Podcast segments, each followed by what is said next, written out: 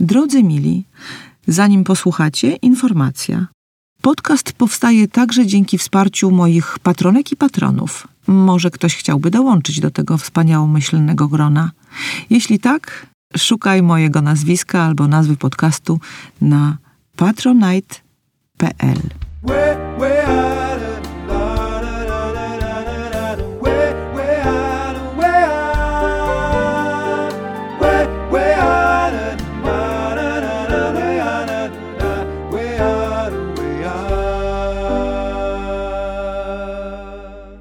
Najdłużej odwoływany dyrektor teatru w Polsce, który mimo to pracuje i to z jeszcze większą determinacją i spektakularnymi osiągnięciami. Pod względem artystycznym teatr jest y, w najlepszej kondycji od dekad. Jest aktorem, producentem, od 2016 roku dyrektorem Teatru imienia Juliusza Słowackiego w Krakowie. Marszałek województwa małopolskiego z początkiem 2022 roku wydał oświadczenie o wszczęciu wobec niego procedury odwoławczej pod zarzutem m.in. wulgaryzacji sceny w związku z koncertem Marii Peszek, a stało się to krótko po tym, jak przedstawiciele rządu skrytykowali dziady w reżyserii Mai Kleczewskiej. Porozmawiamy o kosztach indywidualnych, ale też o korzyściach społecznych takich dramatycznych sytuacji. W szczególnych okolicznościach, bo na początku nowego sezonu teatralnego, promowanego sloganem Wersal się skończył i w roku jubileuszowym dla teatru, który ma 130 lat. Witaj, wojowniku. Dzień dobry. No, no. Aż, aż, się, aż po prostu słucham i myślę sobie, Boże, cóż No, to no. Za, wsp- za wstęp. E, Dobry No. czy zły? Nie no, e, jak się tak słyszy coś takiego e, w twoich ustach, to mam jakieś dziwne takie wrażenie, jakby to nie o mnie było. No tak po prostu... Ze skromności czy? Nie wiem, czy ze skromności. E, e, No, jakby to jest moja codzienność, więc ja tego, jak ktoś to tak zbierze i zacznie wymieniać taką codzienność jako jakieś zalety czy zasługi, to wtedy jakoś tak się dziwnie robi. To znaczy, Ale robi wrażenie. ym, no przynajmniej. Okej. tak. Okej. Nowy sezon teatralny zapowiedział pan, zapowiedziałeś, bo jesteśmy na ty, y, hasłem Wersal się skończył. Co się, No, za, tym, się, no, tak. co się za tym kryje właściwie? Znaczy to oczywiście słynny cytat z, z Andrzeja Lepera, ale mm, który dotyczył trochę innej rzeczy, ale w pewnym sensie jego idea taka, że, że jakby przestajemy się już bawić e, w niedomówienia, w, w półsłówka, w jakieś dywagacje dotyczące oceny sytuacji społecznej, kondycji naszego społeczeństwa, być może należy przestać mówić tym zawoalowanym językiem takiej grzecznej postawy, bo jakby to powiedzieć, jesteśmy w czasach, w których wszyscy mówią, e, używają jakby e, dosyć dużej ilości obraźliwych słów, nazywając pewne rzeczy w krańcowy sposób, często przesadzony. A zauważyłem po prostu i zauważyliśmy, że ta druga strona, ta, która mm, jest określana tymi słowami, no, no wystarczy tutaj przywołać, nie wiem, Agnieszkę Holland na przykład. Ostatnio to, co nas najbardziej Nie będę tego opisywał, ale wszyscy wiemy, e, że najwyższe czynniki w państwie, jak wyrażają się na temat Agnieszki Holland, ja pomijam, że to jest aberracja umysłowa, nazywanie kogoś takiego e, faszystką, nazistką i tak dalej, jak Agnieszka. I, a my jesteśmy grzeczni Czy cały oni czas. nie przebierają w Tak. słowach, a my jesteśmy grzeczni? My jesteśmy grzeczni. E, Ktoś nam pluje w twarz, jak w tym słynnym przysłowie, a my uważamy, że pada deszcz. Więc my w Ale Teatrze nie mamy Słowackiego... tego Tak. w swoim słowniku. E, No mamy i dlatego e, jakby e, biorąc to pod uwagę, te słynne słowa Lepera, Wersal się skończył, my też chcemy mówić wprost o pewnych rzeczach. To znaczy w tym sezonie mówimy wprost o bardzo poważnych grupach ludzi wykluczonych. Od najboleśniejszych ran, najstarszych w naszym społeczeństwie, które być może są tym zaraniem tego wszystkiego, co się teraz dzieje, bo przecież ile spraw nie zostało załatwionych. My ciągle udajemy, że jesteśmy jakimiś potomkami jakiejś wielkiej, wspaniałej ojczyzny, tradycji, jakiejś mitycznej pierwszej Rzeczypospolitej. Zapominamy, że to było potworne państwo, którym 80% ludzi, jeżeli nie więcej, było po prostu niewolnikami. Że to było okrutne, opresyjne państwo. W dużej części po 1753 roku, kiedy to wtedy była Konfederacja Warszawska, to wiele, nie, nie, niebawem zaledwie, e, kiedy nastała dynastia przecież e, szwedzka na polskim tronie, staliśmy się ultrakatolickim krajem, którego wypędzono Arian. Od tego się zaczęło, prawda? I tak dalej, więc e, jakby gdzie jest ta tradycja? Nazywa się nas, nas, to mówię w sensie nas, czyli nazwijmy to artystyczną inteligencję, targowicą często, że, że, po, że po prostu sprzeniewierzamy się interesowi narodowemu rzekomo zapominając... Bo świętości. Bo dotykamy znaczy, świętości. I mówią to hierarchia.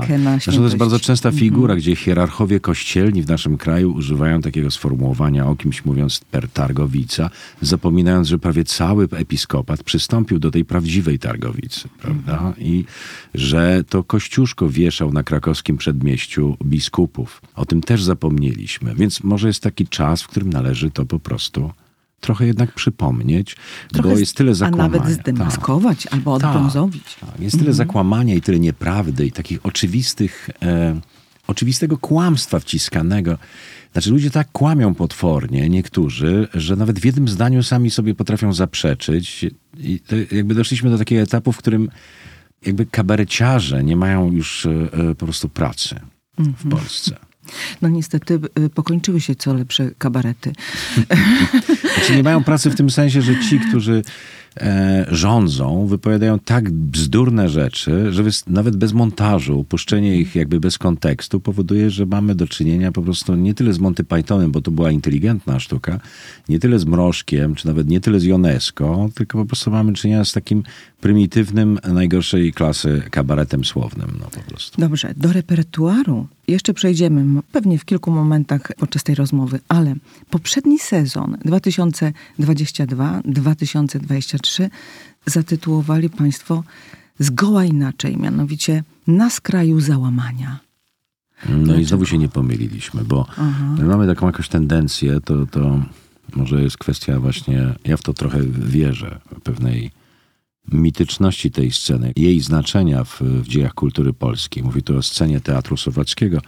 Dla tych, którzy może nie uważali w szkole, żartuję oczywiście. To jest ta scena, gdzie, miała, gdzie były prapremiery takich e, spektakli jak e, e, Dziady Adama Mickiewicza, Wesele, Stanisława Wyspiańskiego, Wyzwolenie, gdzie po prostu najważniejsze sztuki, jakby nowożytne dramatu polskiego były po raz pierwszy wystawione na tych. I zresztą tam było bardzo wiele pierwszych rzeczy. I trochę jesteśmy w takim e, przeświadczeniu, że być może to, co się tam wydarza, ma jakiś jednak jakiś rodzaj odprysku, jakiegoś lustra naszej kondycji społecznej. Bo do tego służy ten teatr, zawsze służył. No i i tak się ostatnio bawiliśmy w taką dosyć upiorną zabawę, która przyszła do nas e, jakby niezamierzenie, kiedy e, któryś z sezonów nazwaliśmy Koniec Świata. I w połowie, I tego, w połowie tego sezonu przyszła pandemia. Znaczy, myśmy czuli, że się musi coś wydarzyć takiego. Nie, nie przewidzieliśmy, że to będzie pandemia. Ale czuliśmy się, że zdarzy się coś, co będzie rodzajem jakiegoś krańcowego przesilenia, doświadczenia, doświadczenia i jednocześnie też krańcowego załamania czegoś, po prostu, że i też oszustwa na wielką skalę. Ja nie mówię, nie chcę się wdy, wdawać w dywagacje na temat, co tam, czy COVID istniał, czy nie istniał, bo to są jakieś e, oczywiście e, dyskusje z gatunku teorii spiskowych i tych płaskoziemców i prawda, różnych takich, tylko po prostu generalnie to, co się działo wokół, prawda, przecież wiemy, że pandemia nadal trwa, tylko nie wolno o tym mówić. No, ale już się nie stosujemy, nie, nie zamykamy lasów, parków i nie nosimy masek e, w miejscach publicznych i tak dalej. Nie? Więc e, ludzie o tym starają się teraz za wszelką cenę zapomnieć, ale wtedy to był koniec świata. I potem...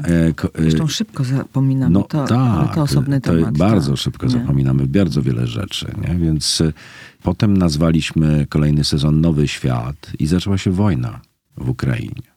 Bo ten tytuł, żeby dobrze wytłumaczyć, ten tytuł Nowy Świat nie był tytułem pozytywnym. To było przeczucie czegoś, co nadchodzi po tym końcu świata pozornym, co nad, bo, bo to musi się odbić. To znaczy cały ten fake, cały ten po prostu jakby ola Boga, strach cywilizacji zachodniej, Boże, kuku mi się wdzieje, prawda? Wobec, Mhm.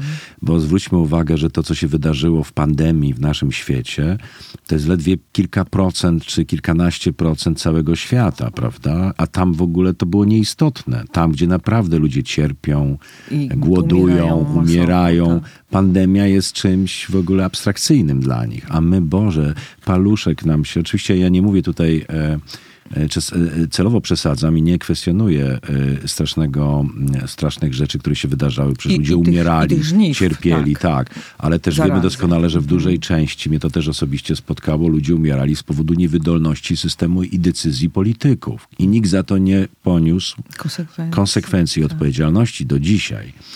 No i potem kolejny sezon nazwaliśmy właśnie na skraju załamania, e, bo to e, jest moment, w którym też i wszyscy byliśmy w takim momencie, wydaje mi się, wszyscy. To znaczy, ja też trochę patrzę po sobie, nie? To znaczy, to jest też mm, moment, w którym zacząłem być odwoływany. No tak, tak, tak, ale z drugiej strony to jest też ten sezon, kiedy pokazaliście y, musical Wszechczasów, o którym się też mówi, że to jest musical rewolucyjny, z gatunku musicali rewolucyjnych 1989 Może- czy 1989. 1989, tak Tak, mówimy.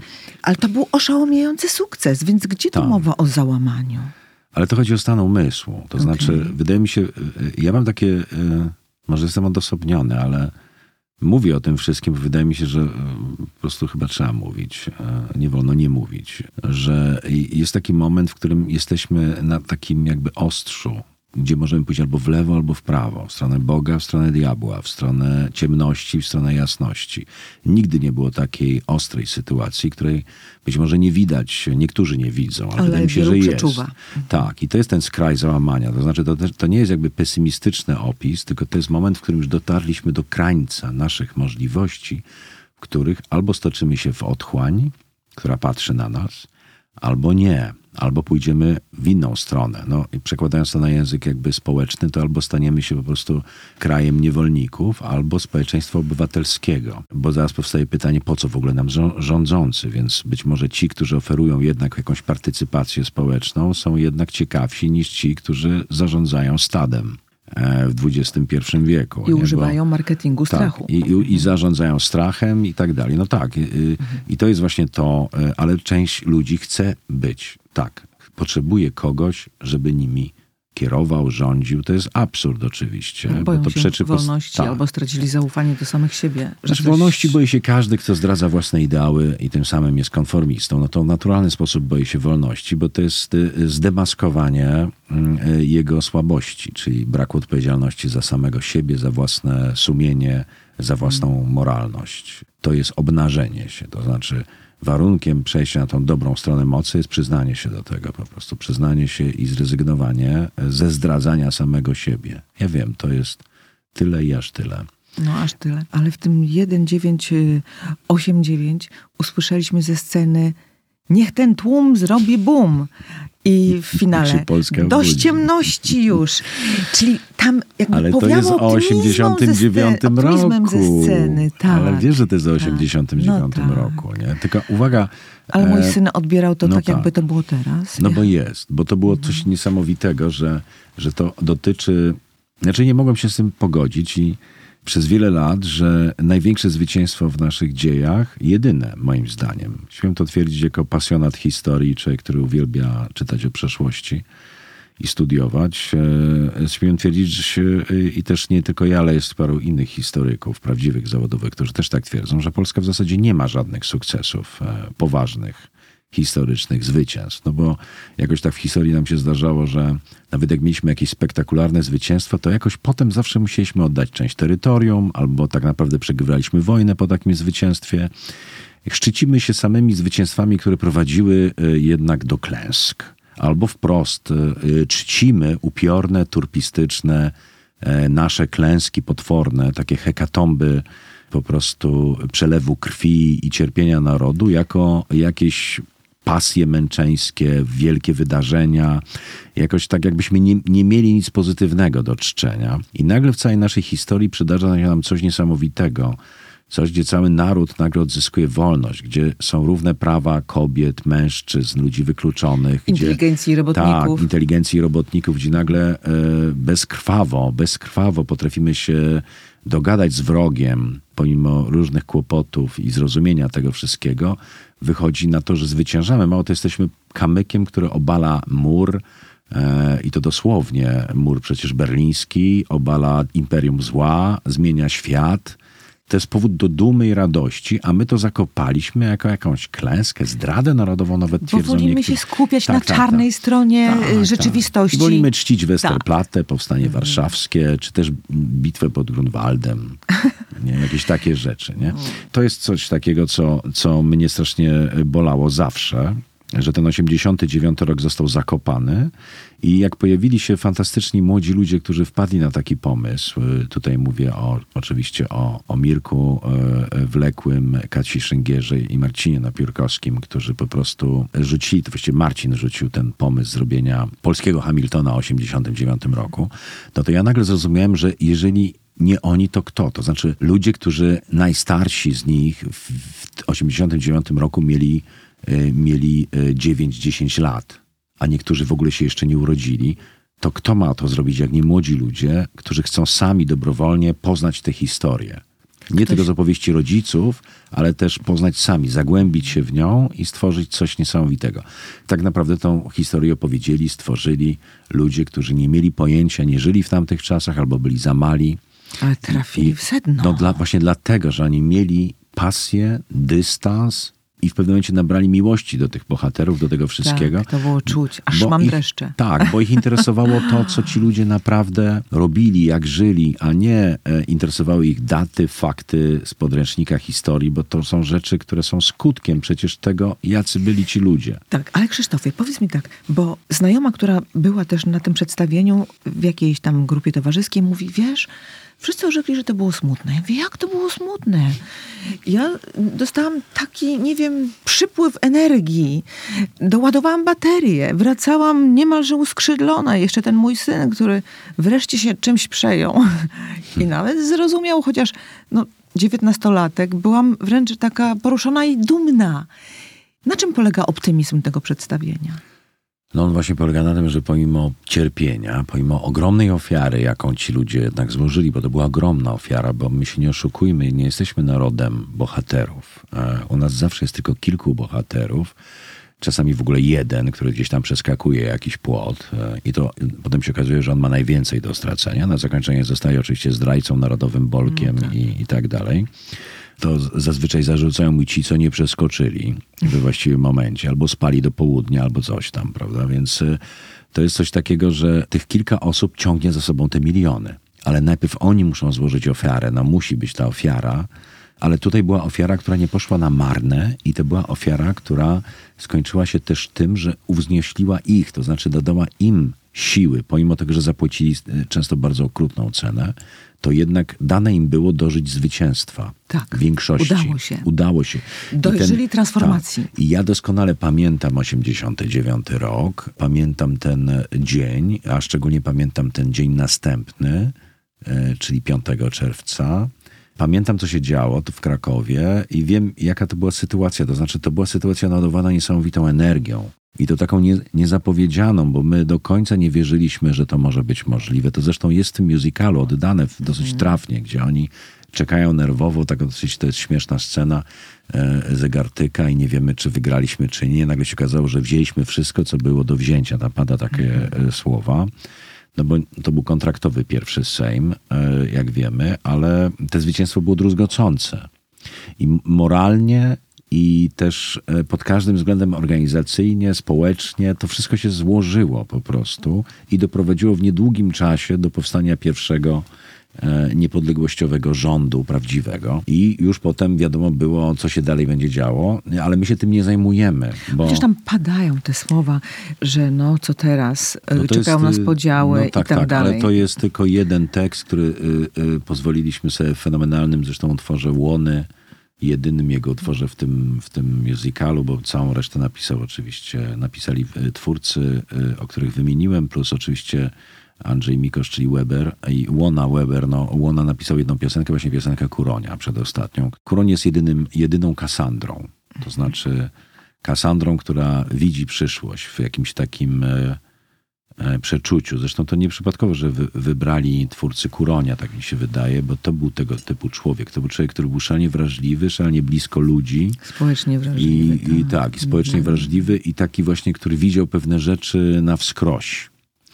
Y, Tym swoim takim prawdziwym spojrzeniem. Po prostu nie, y, jakby ciężko było go omamić ideami, pięknymi słówkami. Tak, on był po prostu prosty w tym jakby w swoim widzeniu i on wiedział, że to być może coś jednak tam się czai.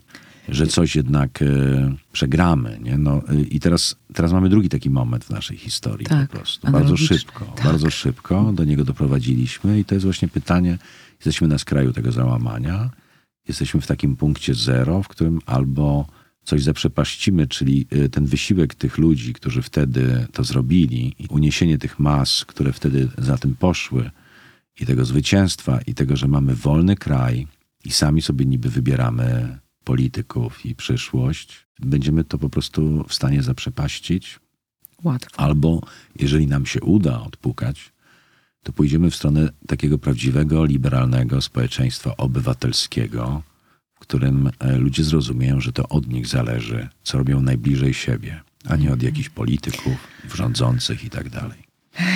Panie dyrektorze, tak jak powiedziałam na wstępie, pod względem artystycznym teatr jest teraz w najlepszej kondycji od dekad. Tak się mówi, powtarza, pisze od jakiegoś dumni, czasu. tak. I to jest w ogóle absolutnie wspaniałe.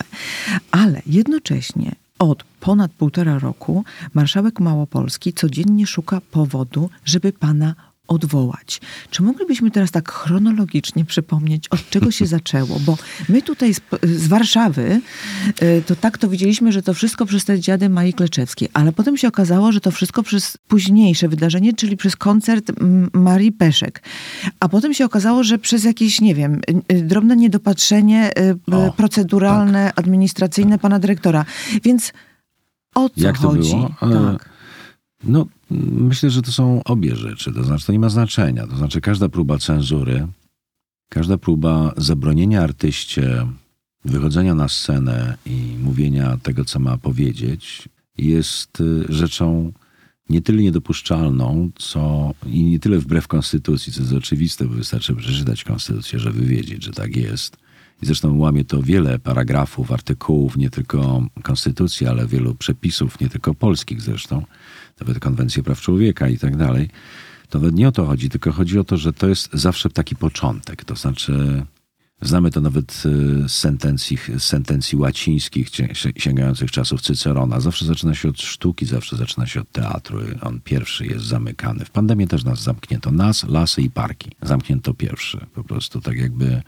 To jest też symboliczne. Lasy, parki i teatry są największym zagrożeniem dla władzy, bo to jest miejsce wolności. Dlatego y, zaczęło się od dziadów oczywiście, w którym władza się przejrzała, tak jakbyśmy my robili spektakle o jakichś Dla panach władzy. smutnych y, z worami pod oczami, którzy są po prostu jacyś ważni, istotni i, i, się, i myślą, że Mickiewicz pisał o nich spektakle czy dramaty. No pisał o nich, pisał o takich jak oni, prawda? To znaczy, ale to jest figura, to znaczy nie zajmował się konkretnie jakimiś ludźmi, tylko zajmował się procesami i, i problemami, tym jak naród sobie takich ludzi funduje. Napisał też jakby w okolicznościach takich, a nie innych politycznych byliśmy pod zaborami. No, byliśmy pod zaborami, ale my mentalnie bardzo niedawno przestaliśmy być pod zaborami, a jeszcze teraz mam wrażenie, że ciągle i jeszcze w dużej części społeczeństwa jesteśmy.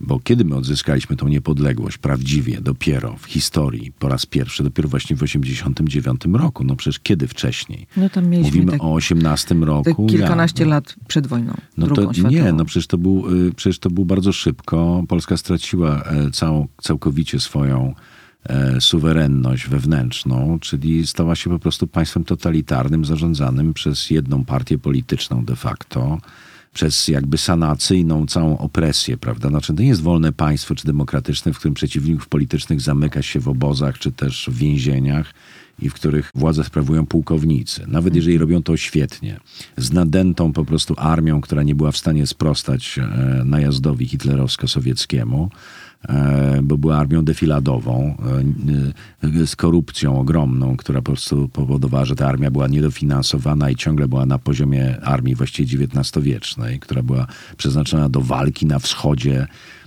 w błotach za pomocą kodnicy, prawda? I w ogóle nie przewidywała czegoś takiego jak czołgi na przykład, czy blitzkrieg. To wszystko jest bardzo ciekawe no, no, i ja bym no. słuchała dalej, y, ale wiem, miłośnik wiem, historii... Tak, tak, ale nie, ja mówię teraz o tym, że po prostu tak, nie chcę nawet wchodzić w tamte rejony, tylko skończę dalej, krótko, tak. że po prostu no, to nie był wolny kraj. Myśmy tak naprawdę odzyskali niepodległość w 1989 roku po wielu różnych sytuacjach, również społeczną i to też nie do końca, bo te wykluczenie się, nadal szereg grup społecznych było wykluczonych, chociażby polska wieś i to trwało dłużej niż w 1989 roku.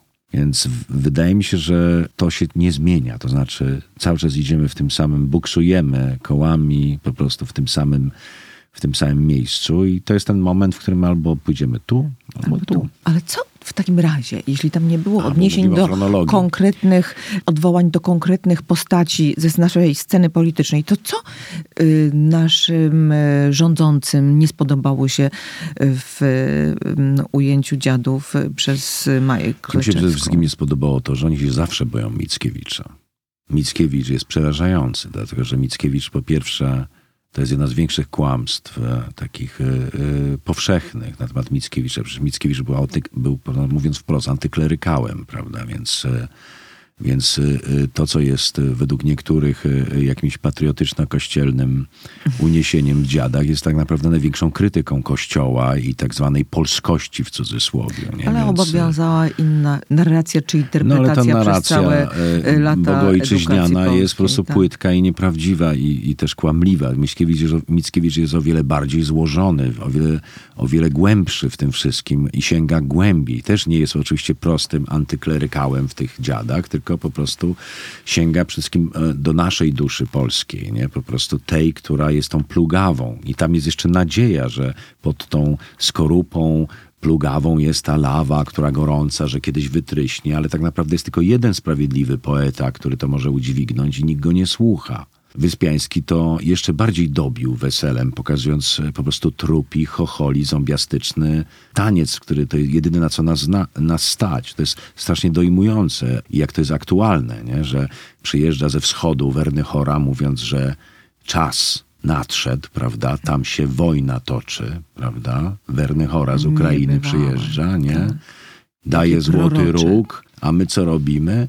A my mówimy, że po prostu zboże nam tutaj, prawda, tak. y, przysyłają, więc my już ich teraz nie lubimy, prawda, i będziemy tu tańczyć, bo mamy wybory, nie, po prostu. Będziemy no, wykorzystywać No przecież wszystko, to jest jak z wesela Wyspiańskiego, tak. tak, to jest to samo, no po prostu, Boże, to się w kółko powtarza. Mam wrażenie, że ten E, plac Świętego Ducha w Krakowie e, po prostu wiecznie się kręci w kółko nie? w naszej historii, przy której mhm. stoi Teatr Słowackiego. Dlatego może jesteśmy przewrażliwieni, bo to się u nas wydarzyło i to jest to miejsce. Więc jak pytasz o co chodzi, no to chodzi o dziady. To znaczy władza się zawsze bała dziadów i powtórzyła gest Gomułki. Dosłownie. Właśnie, z 1968 roku. Siódmego, bo i mało tego powiem ci, że mhm. dokładnie identycznie, czyli tak, Prapremiera Dziadów była 19 listopada 1901 roku w Teatrze Słowackiego. Myśmy zrobili celowo również w superpełnie. I, I, dokładnie w 120. rocznicą. Ważne? Tak, i dokładnie też 19 listopada 2021 e, roku. To jest też nieprzypadkowa data dla nas, bo to jest data, w którym powstał teatr publiczny, prawdziwy teatr publiczny w Polsce.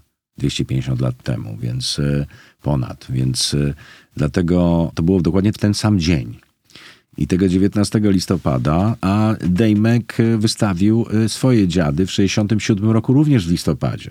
I, I w lutym zaczęto go odwoływać, tak jak mnie 68 roku. Więc ja oczywiście jestem dumny, że idę w pewnym sensie śladami najwybitniejszego jednego z najwybitniejszych polskich dyrektorów, e, Kazimierza Dejmka. Przypomnę również pierwszego ministra kultury odrodzonej Rzeczypospolitej po 1989 mm. roku. Więc wiesz, e, to jest duma, ale z drugiej strony to jest straszna karykatura, że ta władza powtarza te same gesty. I, I mało tego, gesty komunistów, gesty, mówi tymi samymi sloganami, tymi samymi zwrotami. Jak ja słyszę, już nie chcę wymieniać nazwisk, prawda, niektórych rządzących w stosunku do tego, co mówią do nas, no fantastycznie, że się wypowiadają na mój temat. Nie? Jestem bolszewikiem, nieudacznikiem, słyszałem i tak dalej. Ale jak słyszę teksty, y, prawda, które dokładnie mógłby wypowiedzieć Zenon Kliszko, E, Znaczy wypowiadał je po prostu, no to Boże, no. A Maria Peszek to był tylko dodatek, wisienka na torcie, nie? Po prostu sprzeciwiłem się zabronieniu e, mi zaproszenia tej artystki na scenie, to znaczy dlatego, że ona rzekomo, nie wiem, jak to było, wulgaryzuje scenę. Wulgaryzuje scenę teatru. To mówi ktoś, kto nie umie w ogóle wymówić tego słowa nawet, nie? Czy tam nie rozumie, co ono znaczy. Wulgaryzacja, co to w ogóle jest? No chyba wulkanizacja, nie wiem, o co chodziło panu marszałkowi. No w każdym razie tak zaczął się mój problem z, y, y, mój problem, no ich problem, nie? Zaczęto mnie odwoływać. W Tak. związku z tym, że nie ma powodu żadnego ani w ustawie, ani w żadnych przepisach, że mnie za to odwołać, bo to jest wolny kraj, więc wymyślono sobie, że źle zatrudniłem firmę sprzątającą w czasie pandemii, bo bez przetargu e, to zrobiłem właściwego. Jak zwykle, jak to oni. Oni nigdy do końca czegoś nie sprawdzą, więc e, nie sprawdzili, że teatr na tym zyskał, nie stracił. Tak, potem to zaoszczędził. wyszło chyba. Nie uratowałem od y, wyrzucenia z pracy szereg pracowników teatru, szereg pracowników firmy w pandemię. Mało tego, dbałem o sanitarne powiem, bezpieczeństwo pracowników i wszystkich. A, a na zakończenie jest jeszcze jeden punkt, który mówi wyraźnie, że jestem zwolniony z tej odpowiedzialności, bo bo ustawa e, wyraźnie mówi, kiedy nie ma zastosowania przepisy e, prawa zamówień publicznych. Może nie, nie to, tylko że nie naruszam dyscypliny finansów, jeżeli działam w sytuacji takiej jak pandemia. To jest wyraźnie napisane.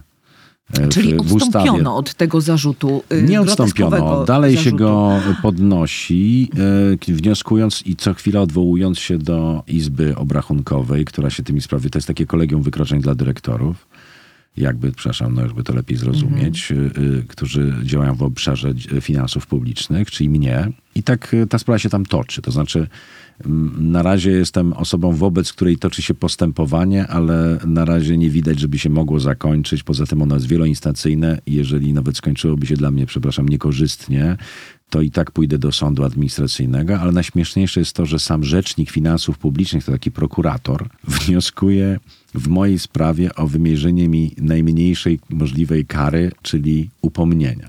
To tak jakby prokurator oskarżał kogoś o wielką zbrodnię, ale jednocześnie wnioskował o niewymierzanie mu kary. Albo No, najniższy. no, albo naj, no najniższy to... No, ale więc to wiesz, więc jest grotesk, ale zobacz, no to ile jest energii grotesk, w to y, jest znaczy angażowane. jest więcej angażowanego e, energii, bo ja jestem odwołany już e, 600 dni.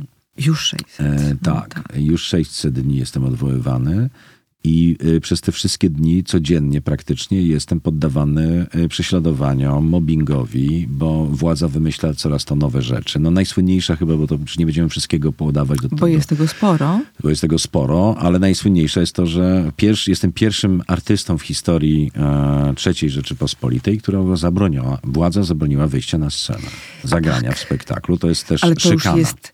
Ta szykana jest już faktem, czy jest Tak, tylko zapowiadana? Tak. Nie, nie, to jest Bo- uchwała y, zarządu województwa małopolskiego, pod którą się podpisała, dostałem takie od pani Gibas, y, kandydatka na posła.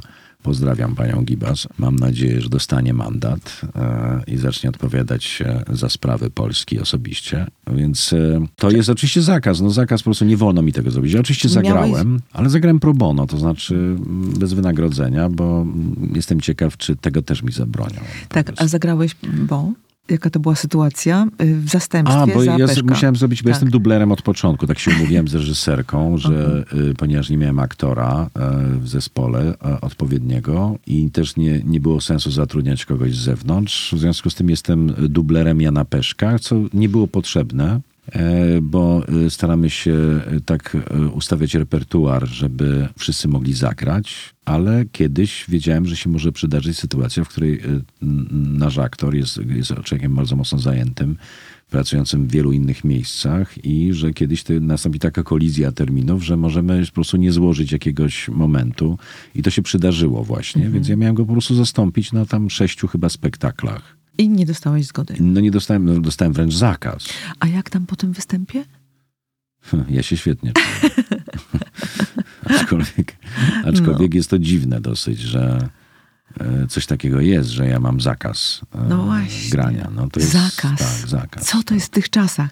Jakiś czas temu gdzieś między wierszami powiedziałeś, a ja to gdzieś tam wyłuskałam, że od trzech lat czujesz się tak, jakbyś był na wojnie. Bo rzeczywiście cały Takich czas dziwnych- musisz walczyć o rzeczach, rzeczy, o które nie powinieneś walczyć, które nie powinny mieć miejsca. No wiesz co, to jest też tak, że rzeczywiście, no y, już tak nieskromnie mówiąc, y, bo to nie są przecież moje opinie, sama je powtórzyłeś tu ze dwa razy, teatr rzeczywiście w tej chwili jest w takiej formie e, dosłownie potwierdzonej, zresztą nie tylko przez jakąś tam opinię środowiskową, która jest dosyć ważna, bo my Przecież często wiemy, jaki teatr w- Polsce jest dobrej kondycji i nawzajem potrafimy się docenić i wiemy, co się wydarza w różnych teatrach i w różnych sezonach u różnych dyrektorów. Ale w Słowaku od kilku sezonów jest e, pewien konstans wznoszący e, działań rozmaitych i efektów. I jeżeli przychodzi sezon, w którym zdobywamy ponad 30 nagród, jesteśmy na 14 festiwalach, e, właściwie zdobywamy wszystko, co jest do wzięcia, krótko mówiąc, takiej, e, w takim. I nie, nie, nie może być to przecież ustawione, że wszyscy nam No tak. dają, bo jestem odwoływany, no bo to Tak, też głupota. że to tylko z solidarności Nawet się- z tak. człowiekiem teatru. Nawet nam się przydarza po prostu takie niedopatrzenia władzy, typu, że na jakimś festiwalu, który przez nich jest sponsorowany, też dostajemy, że nagrody, bo takie niedopatrzenie, pilnowali nas z dziadami, żebyśmy nie dostali. Dziady jedynej nagrody, jakiej nie dostały, to nie dostały właśnie na ministerialnym festiwalu, gdzie minister do końca trzymał w tajemnicy skład jury i w końcu jak go powołał, to był taki, że wiedzieliśmy, że nie dostaniemy, tak. ale dostaliśmy nagrodę publiczności w Opolu. Y, Nawet ostatnio, parę dni temu dosłownie, byłem szalenie dumny, bo na 18 tytułów mistrzowskich, honorowych przyznanych rzemieślnikom teatru, a to jest taka część naszej działalności, z której bardzo jesteśmy dumni, aż pięć tytułów mi, rzemieślników honorowych teatru, mistrzów rzemiosła teatralnego dostali, dostały osoby z teatru słowackiego w całej Polsce, więc to są takie... Tak, to są te paradoksy, To prawda? są te paradoksy, ale władza nie jest z tego dumna, tylko tym bardziej ją wkurzamy. No tym bardziej wkurzamy e, ludzi, którzy powinni być z tego dumni i oni tym bardziej chcą nam dowalić i tym bardziej chcą nam coś zabrać, a to pieniądze, a to cokolwiek, prawda, żebyśmy tylko nie mogli normalnie No funkcjonować. i tak, i z jednej strony masz sojuszników, masz, wiesz, poparcie widowni, o czym też może jeszcze więcej uda nam się dzisiaj powiedzieć. Wiesz, niektórzy wręcz cię podziwiają, a z drugiej strony to nie mogło się odbywać bezkosztowo. Myślę tutaj o twoim zdrowiu psychicznym i fizycznym, bo przecież to musiał być jakiś koszmar. Przecież był taki czas, że nie byliście pewni jako twórcy, czy ta wspaniała premiera 1989 w ogóle będzie miała miejsce. No nie byliśmy pewni, bo, bo nie mieliśmy przecież pieniędzy w ogóle na działalność i byliśmy trochę w takiej czarnej rozpaczy. Na szczęście w Polsce istnieje coś takiego jak Pomorze, a w nim takie miasto Gdańsk na przykład i teatr, Gdański Teatr Szekspirowski, którego szefowała jest Agata Grenda i generalnie marszałek województwa pomorskiego i prezydentka miasta Gdańska. To są fantastyczni ludzie i nagle się okazało, że można znaleźć pieniądze, że jest gdzieś normalny świat, w którym instytucje kultury są instytucjami kultury, którym dyrektorzy są niezależni, w którym tworzy się sztuka po prostu i nikt się nie dziwi, że ktoś mówi coś takiego albo innego, albo kogoś krytykuje, albo nie krytykuje. Więc y, no to jest, był dla mnie bardzo szokujący świat, w którym się znalazłem, bo nie jestem do niego przyzwyczajony. Krótko mówiąc, świat luzu.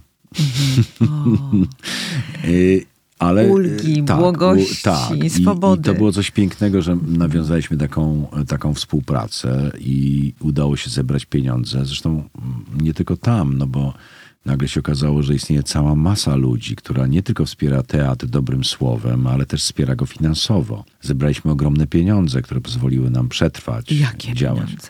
No duże. No ja teraz nie jestem w stanie do końca tego określić, ponieważ em, ten system wspierania teatru zupełnie nowatorski u nas, jakby pojawił się nowy rodzaj mecenatu czy sponsoringu, polegający na tym, że bardzo wiele osób, zwłaszcza z obszaru biznesu, stało się sympatykami teatru i oni po prostu wspierają teatr w ten sposób, że kupują trzy, czterokrotnie droższe bilety. Przepłacają za nie. Wspaniale. Tak, więc my mamy, więc my mamy, y, nie tylko wpłacają po prostu pieniądze, ale też kupują drożej bilety. Robią imprezy, na których y, specjalnie przyjeżdżają, żeby kupić drożej bilety, żeby się spotkać, żeby zobaczyć sztukę. Takie się stały to, jakby to powiedzieć, y, po prostu takie wyjazdowe e, zwyczaje do teatru słowackiego. I myśmy dzięki temu e, mogli przeżyć w poprzednim sezonie. To były miliony złotych. To nie są y, dziesiątki tysięcy A złotych. czy w konsekwencji tego całego zamieszania wokół dziadów i w konsekwencji rozpoczęcia procedury twojego zawieszenia, y, Odwołania, doszło, bo odwołania, przepraszam, cały czas. odwołania, czy y, doszło do też za karę do obcięcia budżetu, do finansowania? To jest, y, że tak powiem, taka sytuacja, którą no jakby trudno udowodnić wprost, ale ona wynika z tego, że y, budżet zawsze był niedofinansowany i organizator y, jakby w trakcie roku budżetowego wspierał instytucję, dodając jej pieniędzy, jak jej brakowało. czyli? Urząd Marszałkowski. No i po prostu my stanęliśmy przed takim problemem, że zaczynając rok poprzedni, mieliśmy na starcie e, minus, e, no, około minus 5 milionów takiej podstawowej dotacji. To znaczy dotacja organizatora nie starcza nawet na płace. A to trzeba utrzymać jeszcze budynek, wszystkie my musimy zarobić sami pieniądze. Teatr ma swoje dochody, ale nie, nie są tak e, duże, żebyśmy byli w stanie jeszcze mieć pieniądze na produkcję. Natomiast myśmy no, zrobili w zeszłym roku wszystko, żeby te dochody tak wyśrubować i tak pozyskać z różnych źródeł, robić tak różne dziwne rzeczy, że w sumie zarobiliśmy y, prawie 12 milionów dodatkowo, nie? więc y, te wsparcie dla budżetu było ogromne, co pozwoliło nam nie tylko przetrwać jako teatr. y, Ja cały czas mówię w takich kategoriach, które też zwróć uwagę są śmieszne, bo przecież ja prowadzę teatr publiczny, który nie jest mój prywatny, tylko to jest teatr należący do społeczeństwa polskiego, jeden z pierwszych polskich teatrów narodowych i, i chluba, powinna być przynajmniej, chluba i perła w koronie wszystkich instytucji całej kultury małopolskiej. Ja e, prowadzę go tak, jakbym w połowie prowadził go jako prywatne przedsięwzięcie. No, tylko nie mam z tego tytułu... tak. sponsorów. y, Tak, ale nie mam z tego tytułu dodatkowego wynagrodzenia. To nie, Nie jest mój teatr. procentu. Nie odbieram procentów i nie jestem dyrektorem zatrudnionym na zasadzie antreprenera, jak w dawnych czasach, że biorę w zakład teatr i sam go finansuję, sam sobie wypłacam pensję i tak dalej. A tutaj doszło do takiej paranoi, że dyrektor de facto musi prawie połowę budżetu zarobić sam. Tak. Razem oczywiście z zespołem, nie? który musi to wypracować, więc to jest nienormalne, no tak nigdzie nie ma. Jeszcze biorąc pod uwagę jakby tą szczodrość e, obecnej władzy w finansowaniu swoich tak zwanych w cudzysłowie Przedsięwzięć, instytucji, tak. gdzie po prostu te pieniądze idą szeroką rzeką i nikt się nie musi martwić, że mu brakuje czegoś Tak. W budżecie. A tutaj musicie y, wyprzedawać żarówki z, z pięknego żyrandolu. No to jest akurat bardzo przyjemny zwyczaj. Myślę, Ale jest, wspaniały, możesz opowiedzieć? Nie, no bo to jest coś takiego, że rzeczywiście y, y, w teatrze jest żerandol, który jest, y, mało kto o tym wie, to jest y, pierwszy polski żerandol elektryczny, bo Teatr Słowackiego był pierwszym teatrem z prądem. I tam od razu Zawiejski, nasz y, architekt, zaprojektował y, żerandol elektryczny. Ale no, jak to on wisi na wysokości no, prawie 40 metrów, jest ogromny, bo on ma 5 metrów średnicy, 5 metrów wysokości, waży prawie tonę po prostu, żeby wymienić w nim żarówki, no to nie, nie ma takiej drabiny, więc trzeba go po prostu spuścić ręcznie na takiej linie na dół. I Te żarówki trzeba co jakiś czas wymieniać. Kiedyś wymienialiśmy te żarówki co 3 lata. Teraz y, im lepsze są żarówki w cudzysłowie, tym musimy wymieniać częściej. Co no, ty? no tak, to wszystko jest coraz krótszej przydatności do użycia. Więc teraz te żarówki są wymieniane mniej więcej z częstotliwością raz na dwa lata, raz na półtora roku. Jest to wydarzenie. No nigdy nie było. Do 2016 roku nie było. To się zawsze odbywało w jakieś wakacje, w jakiejś, gdzie teatr był nieczynny, e, w jakimś momencie takim. Jak to pierwszy raz się o tym dowiedziałem, że, że coś takiego się dzieje regularnie, to stwierdziłem, dlaczego tego nie pokazać e, publiczności. Przecież to jest ciekawe szalenie, że ktoś może sobie mieć w życiu zdjęcie z żyrandolem, selfie z żyrandolem, wielkim pająkiem z Teatru Słowackiego, który jest przepiękny. On jest tak wykonany, Zawiejski go tak wykonał, tak go zaprojektował, zrobili go najlepsi kowale, e, e, mistrzowie, że tam każdy włos anioła, który jest, na którym są te, które są na tym żerandolu, jest e, widoczny i on jest arcydziełem sztuki kowalskiej i szkoda go nie oglądać z bliska. Jasne.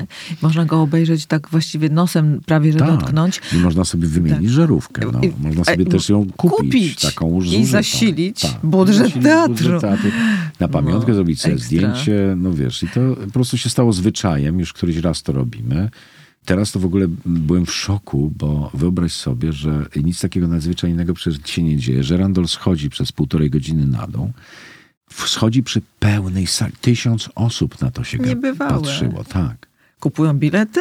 Tak. Zapłacili 10 zł za możliwość oglądania. Ekstra. No, taki minimalną cenę, nie? Tylko wiesz, oni siedzieli ileś godzin w teatrze, słuchali różnych opowieści, bo tam się dzieją oprowadzania, wiesz, Mhm. różne... To jest taki dzień otwarty. Można kupić y, rekwizyty, takich, których już nie potrzebujemy. Zabrać po prostu kawałek teatru ze sobą do domu. Nie tylko żarówkę. Jak ktoś chce, to może kupić coś, co już e, nam nie jest potrzebne, a chcemy, żeby poszło po prostu do ludzi, a nie, żebyśmy Tak. to złomujemy czy tam wyrzucamy. I macie wiele takich e, ciekawych pomysłów na to, jak pozyskiwać środki na, na działalność teatru.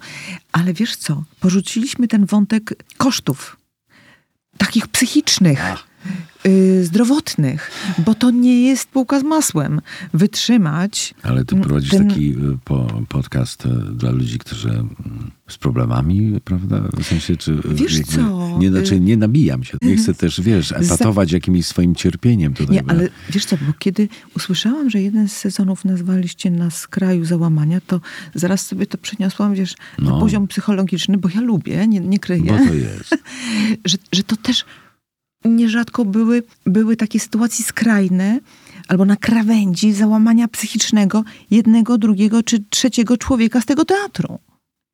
Y, Ja staram się chronić e, ludzi, e, z którymi pracuję. To znaczy uważam, że wystarczy jeden, e, jedna osoba, która jest korkiem od butelki. Wiemy, że wszyscy muszą bardzo ciężko pracować i, i znaczna część, a zwłaszcza moi najbliżsi współpracownicy są narażeni na o wiele większy stres, pracę i tak dalej, ale wydaje mi się, że wszystkim im powinienem oszczędzić jakby tego zmierzenia się z tym mm, światem zewnętrznym, który chce ich dopaść, nie? Po prostu. Więc Mhm. wydaje mi się, że już wystarczy, że jeden to e, ma do czynienia z Czy tym. ty?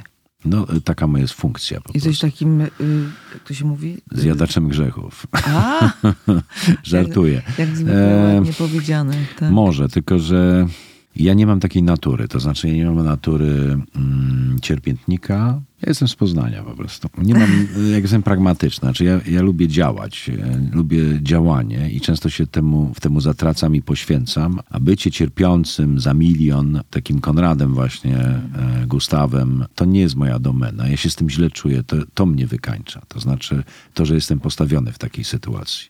no, ale jest mi z tym niewygodnie. Nie, nie pękasz? Nigdy? pękam, ale na tym cierpi moja rodzina, a nie mm, moja praca. Mhm. Praca teraz też, dlatego że no jakby jesteśmy trochę przegrzani. To znaczy ja widzę szereg e, problemów, jakie zachodzą w instytucji, w, jakby ludzie żyją w napięciach, e, tworzą się napięcia pomiędzy ludźmi, mm, wszyscy chcą dobrze, więc jedni e, mają jakby pewne widzenie, że inni chcą bardziej dobrze, drudzy mniej dobrze. Ja też nie jestem w stanie wszystkim poświęcać uwagi, bo moja praca zwłaszcza w pandemii przyzwyczaiłem wszystkich do tego, że ja wszystkim poświęcam bardzo dużo uwagi. E, taka jest moja funkcja, taka była wtedy, tak sobie przyjąłem. Co spowodowało też niebywałą konsolidację zespołu, która pomogła nam przeżyć w następnych trudnych czasach, więc to nie był zły ruch. Tylko, To była zro- świetna inwestycja, mówiąc językiem Tak. merkantylnym. no, może nie traktowałem wtedy tego jako inwestycję, bardziej jednak podejrzewałem siebie o odruch e, odpowiedzialności czy empatii. Natomiast, e, natomiast tak się złożyło, że to miało taki skutek, jak mówisz. To znaczy, mm, to po, pozwoliło zjednoczyć jakoś ludzi wokół pewnej idei. na jeszcze siebie, trudniejsze czasy. na jeszcze trudniejsze czasy, ale też z drugiej strony przyzwyczaiłem wszystkim, zwłaszcza ludźmi, z którymi najintensywniej pracuję, że poświęcam im bardzo dużo uwagi. To znaczy, że e, bardzo dużo z nimi pracuję. No nie robię za nich, tylko jakby pracuję z nimi w sensie, że interesuję się tym, co robią i koryguję pewne rzeczy i cały czas jesteśmy no, w takim dosyć, my mamy taki producencki system zarządzania w teatrze. Od początku wprowadziłem, bo mam, znam go to z trochę innej sfery mojej zawodowej, więc teatr trochę inaczej działa niż inne teatry.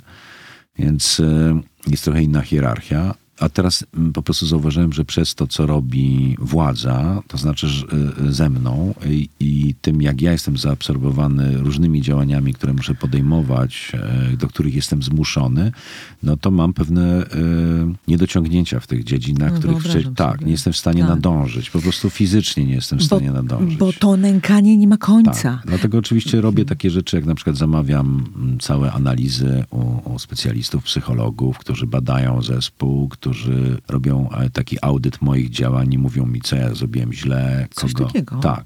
Jakie wprowadzić e, lekarstwa e, zarządzaniu i co trzeba zrobić, żeby poprawić przede wszystkim relacje, bo dla mnie to jest najważniejsze, są relacje międzyludzkie. Uważam, Żeby że zawczasu Tak. zaradzić zawczasu. sytuacji. Dopóki tak. się nie dzieją jeszcze jakieś rzeczy poważniejsze, to trzeba właśnie poprawić pewne rzeczy.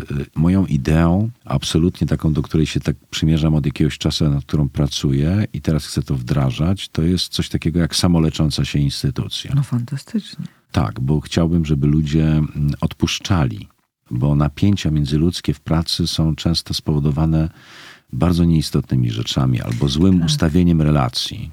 Tak, no ale to trzeba właśnie o tym rozmawiać, Trzeba żeby to się rozmawiać. rozpuszczało, a nie tak, betonowało. Ale ja muszę mieć na to czas. To znaczy, lider musi mieć na to czas, właśnie na takie rzeczy. A ja jestem potrójnym swoim zastępcą. Ogarniam, jeżeli chodzi o odpowiedzialność, bo ja nie mówię, że ja ogarniam, czyli pracuję, tak jak pani Gibas, marszałek, mi mówił, y, napisała w tej decyzji, że nie mogę grać, że że jestem zajęty remontem e, kanalizacji i tkaniem kurtyny i tak dalej, więc nie mam czasu wolnego.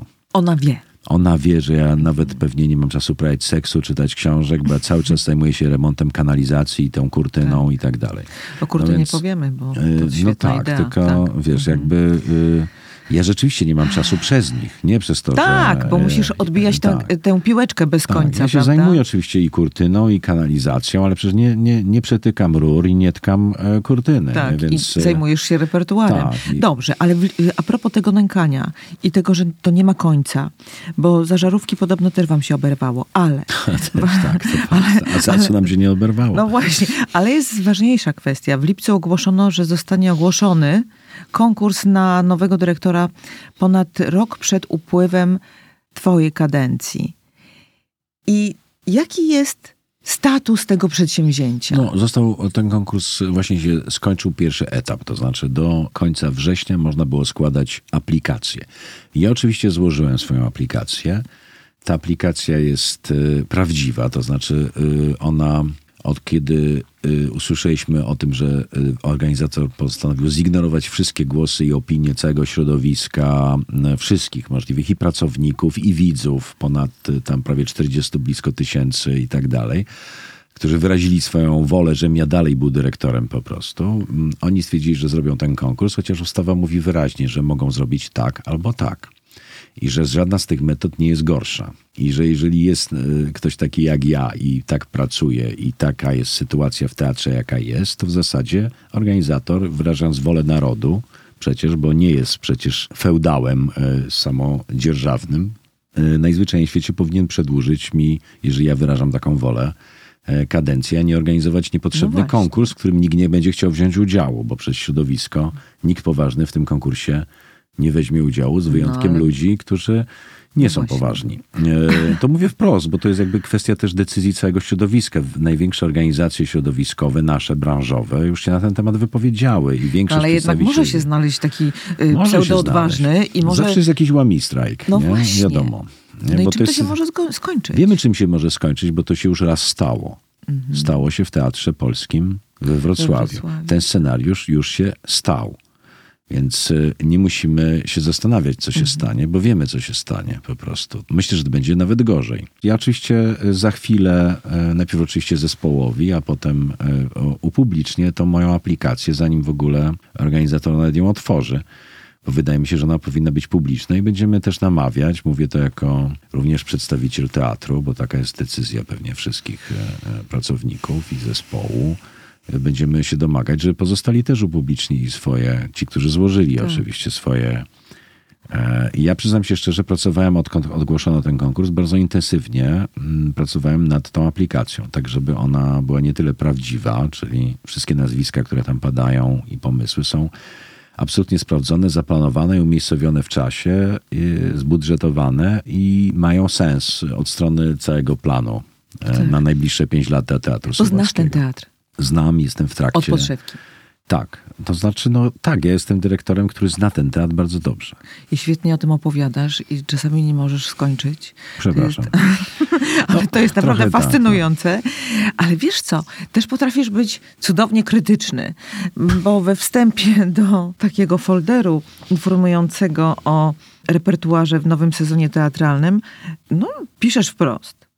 O klasowości tego teatru, że on był klasowy od samego początku, Był, że, że podczas otwarcia Tak Teatru Miejskiego tak, właśnie Tak obecna była cała krakowska elita, ale dla kobiet i dla budowniczych nie starczyło już niestety No, miejsca. proletariat nie miał tam miejsca, tak samo kobiety, bo taki był przekrój ówczesnego społeczeństwa. I zresztą ten teatr tak wygląda. Możemy w nim prowadzić lekcje o społeczeństwie i przekroju społeczeństwa, bo jak spojrzymy na wszystkie poziomy widowni, to dokładnie odzwierciedla klasowość tamtego społeczeństwa. Mhm. To znaczy?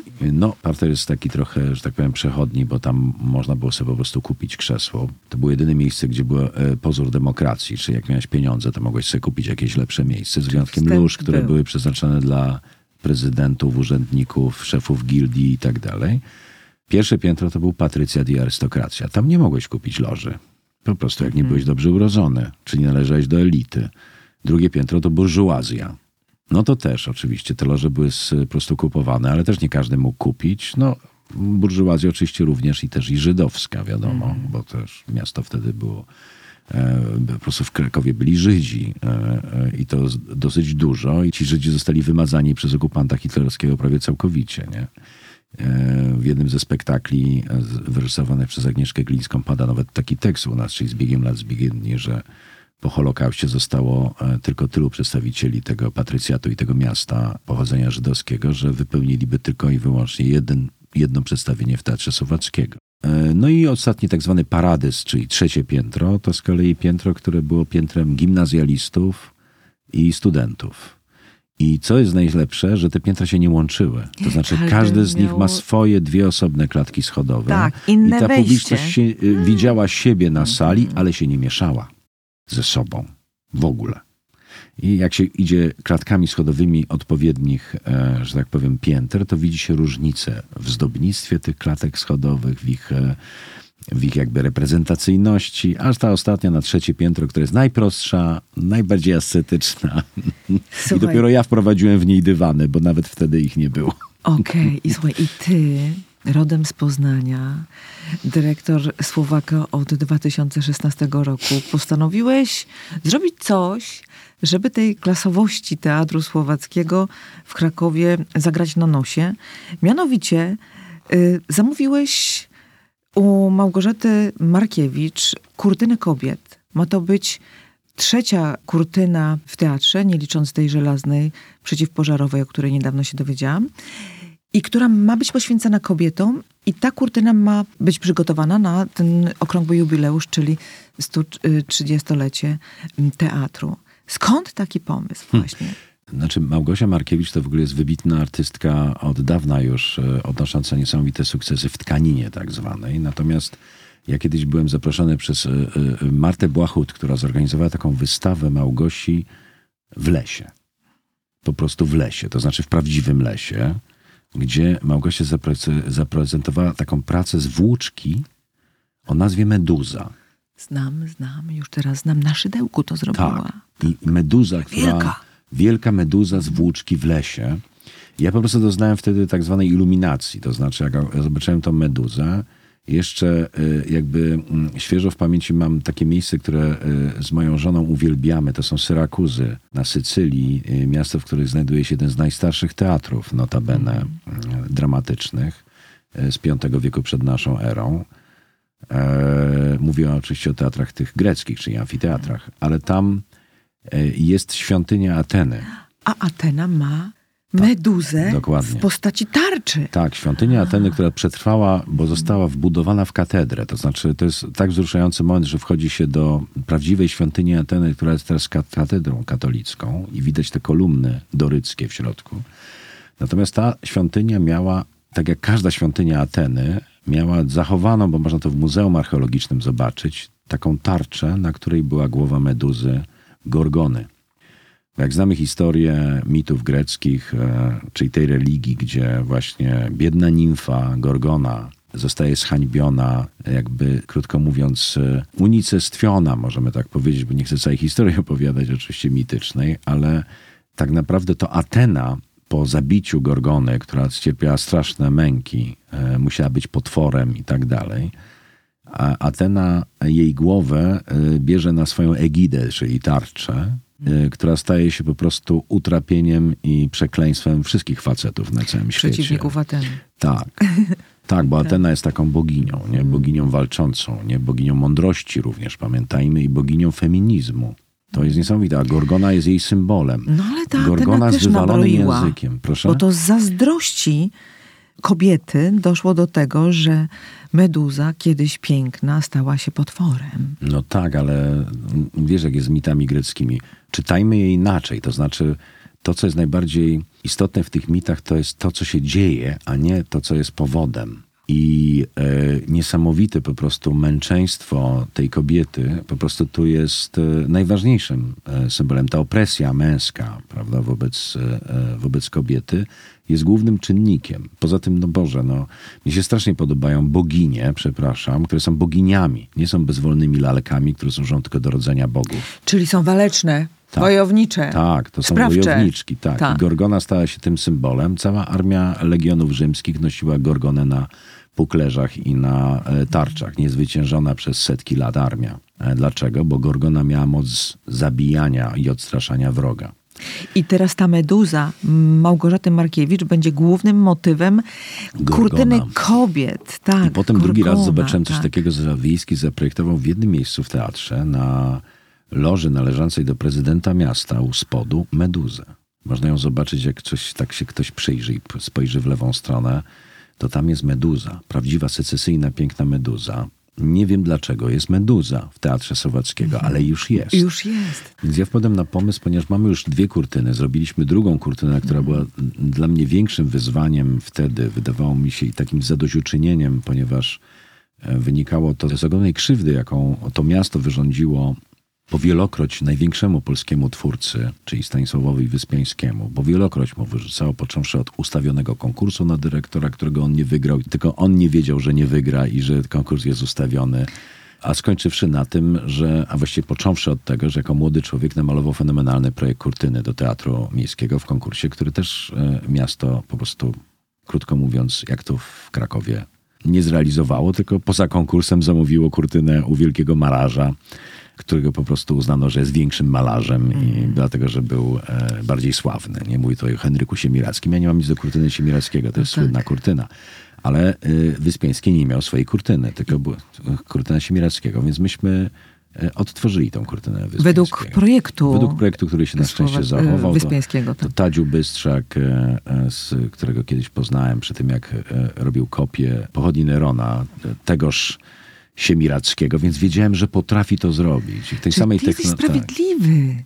Chcesz być sprawiedliwy, bo tak w zasadzie, żeby, żeby było sprawiedliwie, powstała kurtyna y, Wyspiańskiego, bo mu się należała. Należało mu się jak psu Buda, takie, Właśnie. tak mówi nasz premier. Należała mu się po A prostu. teraz e, powstanie kurtyna kobiet. Tak, kurtyna kobiet, bo mamy trzy takie prowadnice w portalu. I tam jest trzecia kurtyna, to jest tak zwana kurtyna pluszowa, która nam się już sypie, bo ona ma swoje lata. To jest zwykły materiał, po prostu, jak to, przepraszam, mówimy w teatrze, po prostu szmata, która też jest potrzebna, bo musi być miękka jedna kurtyna, bo kurtyna Siemirackiego i Wyspiańskiego to są prawdziwe, wielkie obrazy namarowane na blejtramie, po prostu na, naciągnięte na płótno, naciągnięte na blejtram, które schodzi w dół i idzie w całości do góry. Ogromne, wielkie obrazy, ręcznie malowane na płótnie. Natomiast jest potrzebna też kurtyna, no taka, jaką sobie wyobrażamy, że jest w teatrze. Więc wpadłem na pomysł, dlaczego to ma być kolejna, przepraszam, szmata. A może być to kurtyna... Malowana. Tak, no malowana nie. To jest po prostu tak zwany haft dwustronny. Tak, ale że, Ręcznie żeby to nie haftowana. była kolejna malowana, Tak, tak. tylko żeby to była Tak, to tkana. ręcznie tkana Tak. kurtyna przez wybitne tkaczki z Podlasia, mm, według projektu Małgosi, która będzie zawierała nie tylko no, portret meduzy, z wywalonym językiem oczywiście, Tak. gorgony, e, z włosami węży, tak jak przedstawiana była meduza, na której tańczą złote kobiety.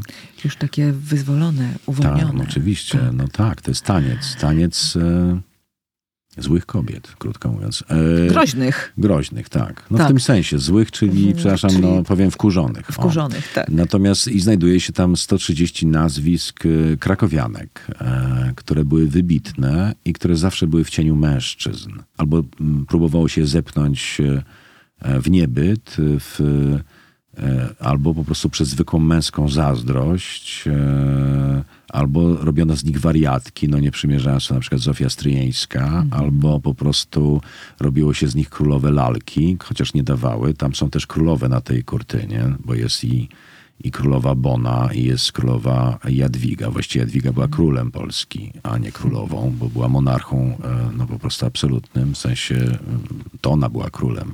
Było dwóch królewi, przepraszam, nie chcę się wymądrzeć, no ale generalnie no, był to po prostu e, król, nie monarcha. I też są święte, i są czarownice, i są naukowczynie, i są artystki, art, i aktorki, kompozytorki, malarki, poetki.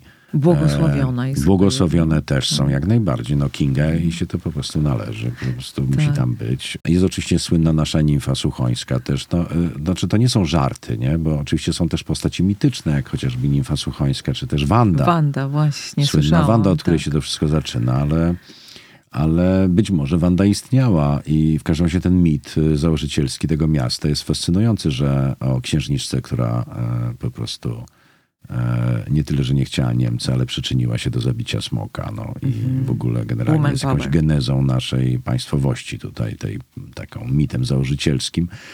Z drugiej strony podkreślacie, mówiąc o projekcie tej tkaniny, że to jest tkane, dlatego że tkanina to jest język kobiet. I z jednej strony mamy wybitne postaci, a z drugiej strony zwykłe osoby, bo tam podobno wśród tych 130 znajdą się też, nie wiem, pani inspicjentka, Tak, ale pani garderobiana. Tak, tylko to są, to nie są zwykłe, to, tylko to nie są zwykłe osoby, nie? To znaczy to są osoby, które zaważyły gdzieś na naszej historii, przyczyniły się do czegoś. To są absolutnie wybitne osoby. To znaczy W swojej e, niedocenianej nie, nie, dziedzinie. Nie dlatego, one nie są na tej kurtynie dlatego, że są kobietami, tylko są na tej kurtynie dlatego, że były wybitne i nie zostały uznane dlatego, że są kobietami.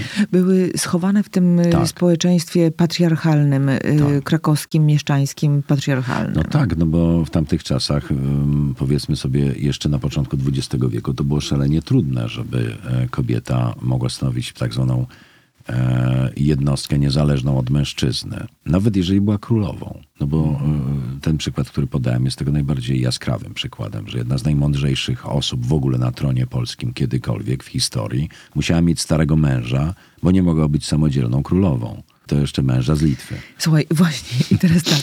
I w tym klasowym teatrze zawiśnie na zawsze kurtyna kobiet. No Tak. fantastyczne. Niebawem. Niebawem, 17 grudnia chcemy ją Mhm. odsłonić. Mógłbym mówić tak megalomańsko, że taki sobie na zakończenie zostawiłem mm, prezent, zresztą zafundowany, e, nie powiem, e, również przez e, e, Zarząd Województwa Małopolskiego. No jakim cudem? No, takim cudem, że e, kurtynę funduje dla nas prezydent miasta Krakowa, profesor Jacek Majchrowski, za co wielka mu chwała, bo kiedyś pamiętam, odwiedziłem go i przedstawiłem ten projekt i on się nawet sekundy nie zastanawiał. Powiedział, że to jest świetne zakończenie pewnej epoki. E, Epoki, która ciągle w Krakowie gdzieś jest patriarchalna. Wow. I, i, i, I po prostu to jest świetny pomysł, że to będzie świetny prezent dla teatru na 130-lecie. A Ale- drugi fundator? A drugi fundator się pojawił sam, to znaczy postanowił się dołożyć, e, czyli skoro miasto daje, no to nie wypada, żeby województwo też nie dało, to jest historyczny moment. No chwała im za to, ja nie mam nic przeciwko, no przecież to byłoby idiotyczne. No ja, jasne. To nie ja e, Ale nie, nie mają nic przeciwko kurtynie kobiet?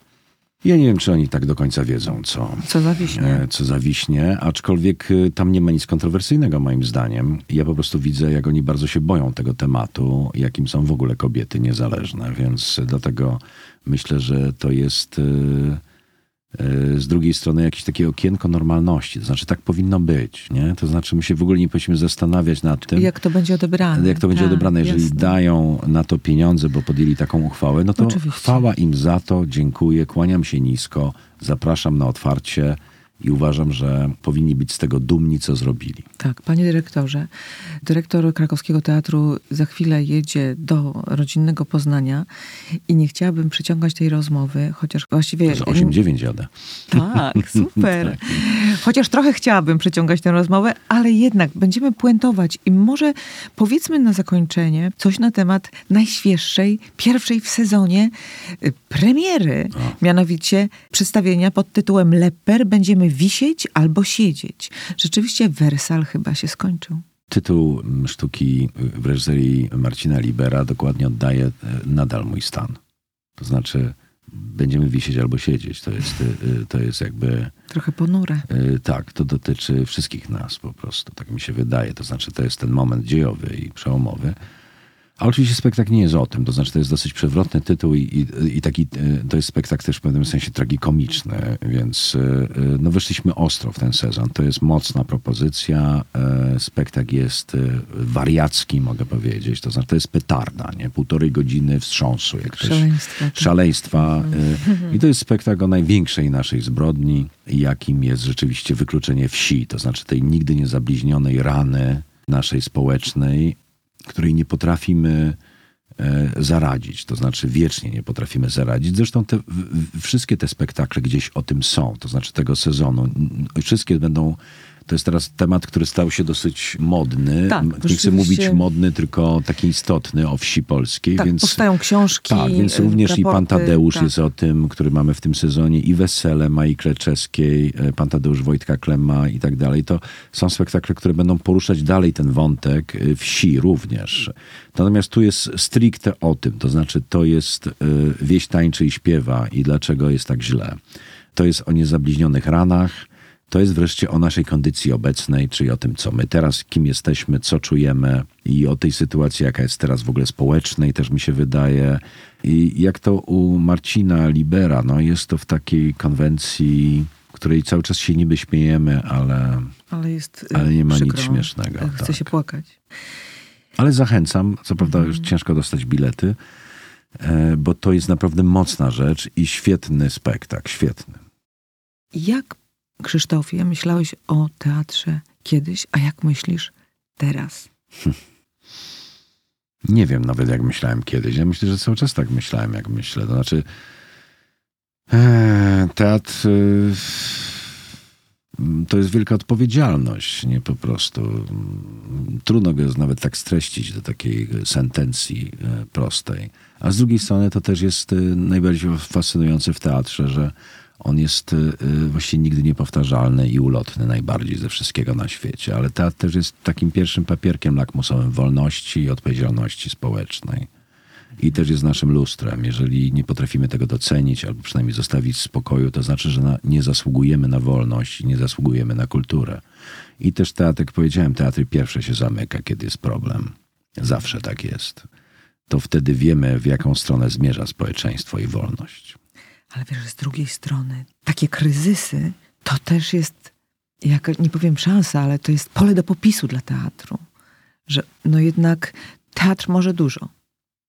O ile Może, może. I y, z dumą stwierdzam, że my trochę z Teatrem Słowackiego przebiliśmy się przez tak zwaną bańkę, w jaką żyje, żyją ludzie, którzy tylko jakby zajmują się teatrem, czy też chodzą do teatru, bo to nie jest dużo ludzi wcale. Teatr to nie jest, to jest jednak sztuka, przepraszam, nie chcę mówić, używać słowa elitarna, bo teatr już dawno nie jest, że tak powiem, czymś niedostępnym, e, tylko po prostu to jest dla, dla osób, które chcą, to znaczy e, mają wyższe standardy i wymagania wobec siebie, bo to jednak pójście do teatru wymaga pewnej e, decyzji, odwagi, Tak. znalezienia czasu.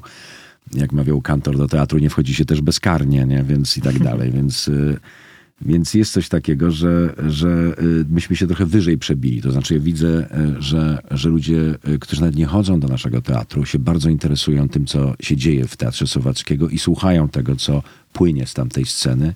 Więc może czas najwyższy, żeby przypomnieć te y, słowa, które zawsze z tamtej sceny płynęły, czyli słowa Stanisława e, Wyspiańskiego. Musimy zrobić coś, co by od nas zależało. Wszak dzieje się tak wiele, co nie zależy od nikogo. Piękne, bardzo budujące, wspaniałe na zakończenie, ale jeszcze jedna rzecz, pozytywna rola dezintegracji. Co dostaliście? Jaka korzyść płynie z tego kryzysu? Mówię w liczbie mnogiej, bo myślę o dyrektorze, ale myślę też o zespole. O nie wiem, o, o, o widowni. Myślę, że to trzeba rozpatrywać w takich kategoriach, e, jakby całości, bo korzyść każdym jakby no żyje chwilą też. No to znaczy my żyjemy teraźniejszością, więc e, będziemy mogli tylko patrzeć z pewnej perspektywy za jakiś czas, bo czasy się zmieniają, sytuacje się zmieniają i wtedy będzie można coś docenić albo ocenić. A teraz wydaje mi się, że wspólnota jednak pozwala ludziom zrozumieć pewne rzeczy, a przynajmniej nie bać się pewnych rzeczy, bo to też jest ważne, dlatego że my jesteśmy pełni lęków utraty czegoś, czego do, nie do końca mamy. Tak było w pandemii. Zwróć uwagę, że wszyscy bali się utraconych przyszłych wpływów. To było tak dziwne i tak pokazywało, do jakiego stopnia się doprowadziliśmy w tym jakby lęku przed życiem i lęku przed śmiercią, który jest tak paraliżujący. No to jest temat na inną rozmowę, ale, ale te, tak, ale to jest ten lęk, który, który nas zabija i zabija w nas wolność i rozwój. Jak wspaniale uwolnić się od tego lęku. Tak. No ale to trzeba być wspólnotą. Tak, i to daje pewne mhm. poczucie siły, to znaczy i, i pomaga e, ludziom po prostu w takich indywidualnych myśleniach i wyborach. E, oni nawet tego do końca nie wiedzą, ale są w pewnych sytuacjach nie sami. I jakby to się dopiero doceni, kiedy się jest sam. I wtedy się to dopiero rozumie. Dziękuję bardzo. Proszę.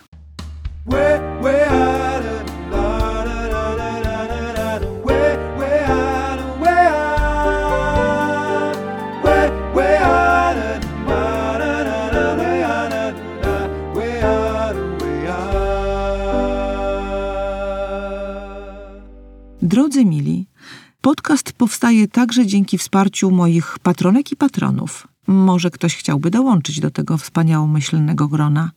Jeśli tak, szukaj mojego nazwiska albo nazwy podcastu na patronite.pl.